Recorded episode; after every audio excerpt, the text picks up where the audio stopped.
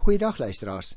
Ons is vandag by die 18de hoofstuk van die Evangelie volgens Johannes se beskrywing en dit is nog die uh, selfde derde groot indeling van die boek wat dan eintlik handel van Hoofstuk 13 af oor die afskeid van die Here Jesus van sy disippels.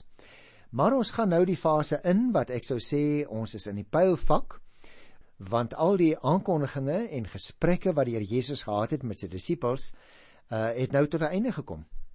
Verlede keer het ons sy gebed vir hulle en dit is ook 'n gebed vir jou en vir my rondom kerkeenheid. Ons het dit behandel en nou word die Here Jesus gevange geneem. Ek gaan dadelik begin by Johannes hoofstuk 18 vers 1. Nadat Jesus dit gesê het, dit is nou die gebed wat hy uitgespreek het, het hy met sy disippels oor Kedronspruit gegaan. Daar was 'n tuin en hy en sy disippels het daar ingegaan as ek oor hierdie teksie iets moes sê dan sou ek uh, hierdie aspekte wou noem luisteraars want na die reeks afskeidsgesprekke deur Jesus met sy disippels nou die Kedron vallei of soos dit hier genoem word die Kedron spruit wat net gedurende die reenseisoen geloop het oorgesteek. Waarskynlik net suid van die tempelgebied. Nou baie van julle was al daar julle kan die prentjie baie mooi teken aan die een kant is die olyfberg En dan aan die voet daarvan is die uh, Kedron spruit waar die tuin van Getsemane dan ook was en aan die ander kant was die muur van die stad Jerusalem. Nou toe hulle nou aan die ander kant van die spruit noordwaarts geloop het tot by die pad na Betanië toe, net teen die Olyfberg, was daar nou 'n tuin. So het ons nou gelees. Vers 2 sê: Judas, sy verraaier, het ook die plek geken, omdat Jesus en sy disippels dikwels daar gekom het.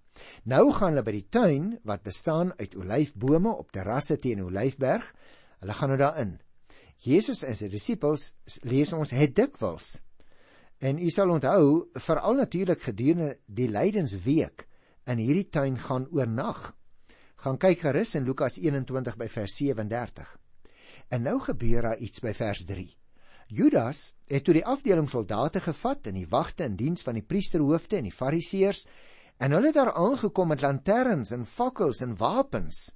Dis eintlik 'n skrikwekkende prentjie wat hier geteken word, luisteraars, nie waar nie? Judas weet dus waar om Here Jesus te gaan soek, want hy was vroeër seker dikwels saam met die meester daar in die tuin. 'n Deel van 'n Romeinse kohort, of soos dit hier genoem word, 'n afdeling, het uit 600 soldate bestaan wat gedurende die feestyd natuurlik burgerlike vrede moes help bewaar wanneer die Joodse nasionalistiese strewes baie hoë gevlam het elke jaar. Tesame natuurlik met die wagte, lees ons hier, in diens van die priesterhoofde. En hulle kom nou almal gewapen saam met Judas by die tuin aan. Alhoewel dit volmaan was, moontlik bewolk, kom hulle met lanterns en met fakkels om na die Here Jesus te soek. Nou ek wil ook nog hier opmerk sodat ons die prentjie net goed kan uh, in die kop kry luisteraars. Volgens Johannes se beskrywing bereik die Here Jesus nou baie duidelik die pylvak van sy lydensweg. Die wagte was natuurlik nou die tempelwag wat in diens van die Joodse raad was. Dit was hulle werk om mense wat geringer oortredings begaan het gevange te neem. En die soldate na wie hier nou verwys word, was moontlik Romeinse soldate wat self betrokke was by die arrestasie nie, maar wat saamgegaan het om te verseker dat alles ordelik verloop. So jy merk op dat hier is dus nou mense wat in diens is van die Romeine wat toesien dat alles ordelik verloop, maar dit gaan eintlik oor die Joodse tempelwag. Dit is dus Jode wat kom om die Here Jesus gevange te neem. En die tuin waarin ons meester en sy disippels nou op hierdie stadium is, was vol olyfbome Daar was uh, terrasse waarop hierdie bome geplant was en net soos die olywe letterlik gepars is. So luisteraars wil ek amper die beeld gebruik word die seun van God nou in die volgende ure ook in figuurlike sin tot die dood toe gepars. Uiteindelik gaan die lewe uit hom gepers word. En dit tussen hakies is natuurlik ook die betekenis van die naam Getsemane. Dit beteken letterlik olyfpers. Die 4de vers sê: Omdat Jesus geweet het van alles wat oor hom gaan kom, het hy vorentoe gekom en vir hulle gevra: "Vir wie soek julle?" Nou as ek nou net nou 'n traan wou stort, liewe luisteraar, dan lyk dit vir my hier wil mense doen dat die Here Jesus presies weet waaroor dit gaan. Hy is in beheer van die situasie as gevolg van sy goddelike voorkennis. En nou kom hy self na vore. Dit gryp 'n mens in die hart van nou begin hy, mag ek dit so uitdruk, hy hy tree nou letterlik vorentoe ter wille van jou en van my om ons uiteindelik aan die kruis kinders van God te kan laat word. Die Johannese Evangelie vermeld nie Judas se verraaier soen nie. Jy sal nog onthou net die ander evangeliste vertel hoe dat ou Judas hom gesoen het. Maar Johannes vertel ons niks daarvan nie. Beteken nie dat dit nie gebeur het nie, maar ek het al vir julle vertel dat uh, die evangelies en verskillende gedeeltes in die skrif moenie gelees word as opponerend tot mekaar nie, maar aanvullend tot mekaar sodat ons 'n prentjie baie duideliker kan inkleer. So as 'n mens regtig 'n volledige prentjie wil hê, stapsgewys wil hê, van hierdie lydensgebeure, dan moet jy eintlik die uh, vier evangelies langs mekaar sit en hierdie stukkie neem uit die een evangelie en 'n volgende stukkie sodat daar nie deur een van die evangeliste dalk um, iets uitgelaat is wat jy ook sou wou onthou nie. Vers 5 sê Jesus van Nasaret soek ons antwoord hom. Dit is ek sê toe vir hulle. Judas sy verraaier het ook daar by hulle gestaan. Ons lees dat Jesus geantwoord het: "Dit is ek." En natuurlik, dit dui op die stelling dat hulle na Jesus van Nasaret soek. Maar terselfdertyd het jy opgelet dis ook 'n goddelike selfbekendmaking. Johannes lê naamlik klem baie sterk op die goddelike noodwendigheid. En ek dink dis belangrik dat ons ook sal raak sien luisteraars. Johannes sê nie uitdruklik alles wat die ander evangeliste gesê het nie. Vir hom is dit op hierdie stadium meer belangrik om juis Jesus se goddelikheid te beklemtoon en daarom verwys hy waarskynlik uh glad nie eers na die soen wat Judas hom gegee het nie. Nou wil ek ook sê dit was uh die eerste keer dat Judas Jesus openlik voor die ander disippels verraai het. Onthou hy het dit nog nie van tevore gedoen nie. En dit was ook die eerste keer dat Jesus se loyale disippels hom in die steek gelaat het. Hierdie disippels sou nog later tot diepe berou kom voordat hulle van die onseker gelowiges sou verander na dinamiese leiers. Maar op hierdie stadium is dit nie vir hulle moontlik nie. Weereens gaan dit dus hier in vers 4 tot 6 oor die identiteit van die Here Jesus. Die kernvraag in die hele evangelie van Johannes is: Wie is Jesus? En twee keer word dit in hierdie vers gevra en word dit self deur die Here Jesus persoonlik beantwoord. Die wagte was heel waarskynlik verbaas oor Jesus se vreeslose erkenning van sy identiteit of moontlik was hulle bewus van sy mag en gesag. En dit is hierdie Jesus van Nasaret, mensgeworde seun van God, wat end uit die lydenspad geloop het en die lydensbeker finaal gaan drink het ter wille van jou en van my. Nou lees ons hier in die 6ste vers. Toe sê Jesus dan vir hulle: Dit is ek. Jy sien dis hy tweede keer waarna ek nou net, net verwys het. En hulle teruggeduins en op die grond neergeval dit verbuister my as ek dit lees. Die reaksie van die soldate op Jesus se vreeslose optrede. En tog aan die ander kant is dit ook verstaanbaar. Hulle retireer en hulle val uit vrees vir hom op die grond neer. Lees ons daar. Nou vers 7 en 8. Hy vra hulle toe weer: "Wie soek julle?" En hulle sê: "Jesus van Nasaret." Toe sê Jesus: Ek het dit vir julle gesê. Dit is ek. As julle my soek, laat die mense hier by my dan toe om weg te gaan. Wonderlik dat die Here in daardie oomblikke wat hy juis so alleen is, vra: "Wil julle wat nou gekom het om my te vang, wil julle nie maar dat my mense wat hier by my is, kan nie maar weggaan nie?" Hy bevestig nie net sy identiteit nie, maar hy reël ook vir die veiligheid van sy disippels. Wonderlike God in wie ons glo. Met ander woorde, Jesus oefen hier geheel en al beheer uit oor hierdie baie netelige situasie. Het jy dit opgemerk? Hy kom as dit ware in beheer van wat hier gebeur. Nou vers 19 voeg Johannes nou by in sy beskrywing: So sou vervul word wat hy gesê het: Van die wat u my gegee het, het ek niemand verlore laat gaan nie. O Johannes lê nog 'n keer die klem juis op die vervulling van Jesus se bestemming volgens die skrif en ook volgens Jesus se eie woorde. Jy sal dit nog onthou daaroor as ek 19 van vers 28 af. Uh almal wat u my gegee het, ek het nie een van hulle verloor laat gaan nie. En hier sorg hy tot op die laaste vir hulle. Jy sien die Here Jesus het ook dit beklemtoon in Hosea 17 vers 12 dat nie een wat onder sy geestelike opsig was, hy verlore sou laat gaan nie. Volgens die evangelie beskrywing van Johannes gaan hierdie woorde van Jesus nou ook in fisieke opsig in vervulling. Jy sien ons behoort nie net luisteraars as siele aan die Here nie. Ons praat soms van die Here soek siele. Ja, hy soek siele, maar hy soek ook ons liggame. Hy soek ons as eenheid, siel en liggaam. Dit is hoe ons as mense is. Let op vers 10. Simon Petrus het 'n swaard by hom gehad. Hy ruk dit uit, slaan daarmee na die slaaf van die hoë priester, kap sy regteroor af. Die slaaf se naam was Malchus. Baie interessant, nê? Die Johannes Evangelie noem die man wat sy swaard uitgeruk het by die naam. Dit was Simon Petrus. Die naam word nie genoem in die ander evangelies nie. Daarom is dit so interessant dat ons voortdurend die verskillende evangelies met mekaar moet vergelyk die man wat vir Jesus verseker het dat hy sy lewe vir hom sou aflê. In Hosea 13 vers 37, hy reageer met verneinige voortvarendheid. Hy kap wild na Malchus, die hoë priester se slaaf. Sy regteroor bly in die slag. Jy sien Petrus moenie nou in die pad staan van die voltrekking van die goddelike plan nie.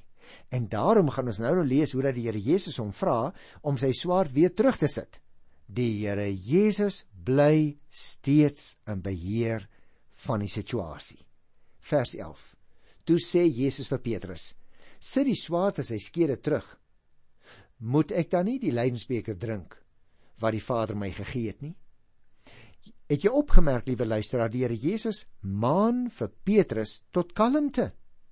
Hy sê dit is nie nou die tyd om swaarde te trek nie, maar om juis gewilliglik sy lydensbestemming, sy lydensbeker uit die hand van die Vader te aanvaar. Want die lam met 'n hoofletter luisteraars, die lam is op die pad na die slagplek toe. Hy kan nie nou toelaat dat die slagplek gaan verander in 'n slagveld nie. Die sake moet deurgevoer word waarvoor hy gekom het. Die vermelding van die lydensbeek kom natuurlik ook in die ander evangelies voor uh, hier by die gebeure in Getsemane.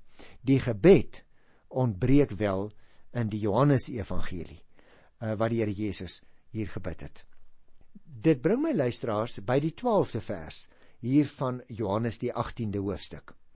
Die opskrif daarvan is Jesus voor Annas. Nou voordat ek die gedeelte behandel, uh, wil ek baie graag vir jou ietsie vertel van Kajafas want ons gaan nou ook vir Kajafas hier ontmoet en dan wil ek nie die gedeelte uh, op daardie stadium onderbreek nie. Kajafas sal jy nog onthou was die skoonseun van Annas. En Kajafas was ook hoëpriester van die jaar 18 tot 36 na Christus. Terselfdertyd was hy dus die leier van 'n godsdienstige groep wat as die Sadduseërs bekend gestaan het. Hulle was 'n geleerde en 'n welgestelde groep mense wat uit die priestergeleedere gekom het en het 'n politieke magsposisie onder die Jode gehad. Hulle was ook terselfdertyd op 'n baie goeie en 'n redelike voet van vriendskap met die Romeinse owerhede, omdat hulle 'n elite groep onder die Jode was. Maar hulle het Jesus met 'n wrokkige haat gehaat, omdat hy 'n bedreiging was vir hulle gerieflike lewenswyse en 'n boodskap verkondig het wat vir hulle onaanvaarbaar was. Hulle het hoegenaamd nie belang gestel in die koninkryk waarin die leiers die onderdane sou moes dien nie. En daarom Kajafas was daaraan gewoond om enige een wat 'n bedreiging vir sy posisie was uit die weg te probeer kry op watter manier ook al. Kajafas het nie eers ernstig gewonder oor die vraag of Jesus moes sterf of nie. Al wat vir hom eintlik ter sake was, was wanneer en hoe dit moet gebeur. Die Here Jesus kon egter nie net gevang en verhoor word nie, maar die Joodse raad moes ook nog eers toestemming vir die Romeinse owerheid kry om Jesus te kan veroordeel, want uiteindelik was dit die Romeine wat die vonnis moes voltrek. Nou hierdie Kajafas, hy het natuurlik nie goed besef dat sy planne in werklikheid deel was van God se groot plan nie. Sy bereidwilligheid om 'n ander mens ter wille van die sekuriteit van die volk te laat sterf, lewer eintlik bewys van sy absolute gesag. Kajafas se woorde dat een man vir die volk moes sterf, in plaas van dat die hele volk, volk sou moes ondergaan, is nog 'n voorbeeld van Johannes se ironie. Daarom moet jy 'n bietjie net hierdie dinge in gedagte hou as ons uh, so 'n bietjie later gaan lees van hierdie man Kajafas. Kom ons begin dan by vers 12. Toe die afdeling soldate onder die kommandant saam met die wagte in diens van die Joodse raad vir Jesus gevange geneem en hom geboei. Johannes baie interessant vir my verswyg op hierdie stadium dat die disippels op hierdie tydstip op die vlug geslaan het. Nou, miskien veronderstel hy dat sy lesers dit weet want die ander evangeliste vertel dit wel. Hoe ook al, hy sê daar net mooi niks van nie. Hy sê wel in vers 13, hulle het Jesus eers na Annas toe gebring Hy was die skoonvader van Kajafas wat daardie jaar hoëpriester was. Nou luisteraars, alhoewel Kajafas daardie jaar die offisiële hoëpriester was, word Jesus eers voor Kajafas se invloedryke skoonvader, ou Annas, vir 'n voorondersoek gebring. Met ander woorde, mense kry dadelik die indruk dat Kajafas ook baie uh, versigtig was. Kom ons druk dit so uit. En daarom gaan raadpleeg hy hierdie Annas, maar ek dink daar's 'n ander rede ook geweest want Annas was 'n baie gewilde man onder die Jode. Hy was 'n gewese hoëpriester. Hy het 5 seuns gehad en 'n uh, een skoonseun uh, wat ook as hoëpriester gedien het in daardie tyd. Johannes vertel nou in die 14de vers dit was Kajafas wat vir die Jode die raad gegee het dat dit tot hulle voordeel sou wees as een man vir die volk sterwe. En dit is waarna ek net nou verwys het toe ek uh, u daaraan herinner het. Johannes herhaal nou en dit is baie interessant dat Kajafas die siniese politieke profesie uitgespreek het dat dit beter sou wees as een man, naamlik Jesus in hierdie geval, vir die volk sou sterwe. Luisteraars, dit bring ons dan by die volgende opskrifie. As jy die Bybel voor jou het, sal jy sien hier in Johannes 18 by vers 15 is die opskrif Petrus verloon Jesus die eerste keer. Vers 15 en 16 sê Simon Petrus en 'n ander disipel het agter Jesus aangegaan. Daardie ander disipel was aan die hoë priester bekend en het saam met Jesus in die hoë priester se woning ingegaan. Maar Petrus het buite die deur bly staan. Toe daardie ander disipel wat die hoë priester bekend was, uitgegaan en met die deurwagter gepraat en vir Petrus ingebring. Nou hier kry ons 'n baie interessante stukkie geskiedenis wat 'n mens baie maklik kan mislees as jy soms so vinnig deur die Bybel blaai, nie waar nie? Ehm um, Petrus, let ons nou op, is nie afgeskrik deur die Malgus voorval en die disipel se wegvlug nie.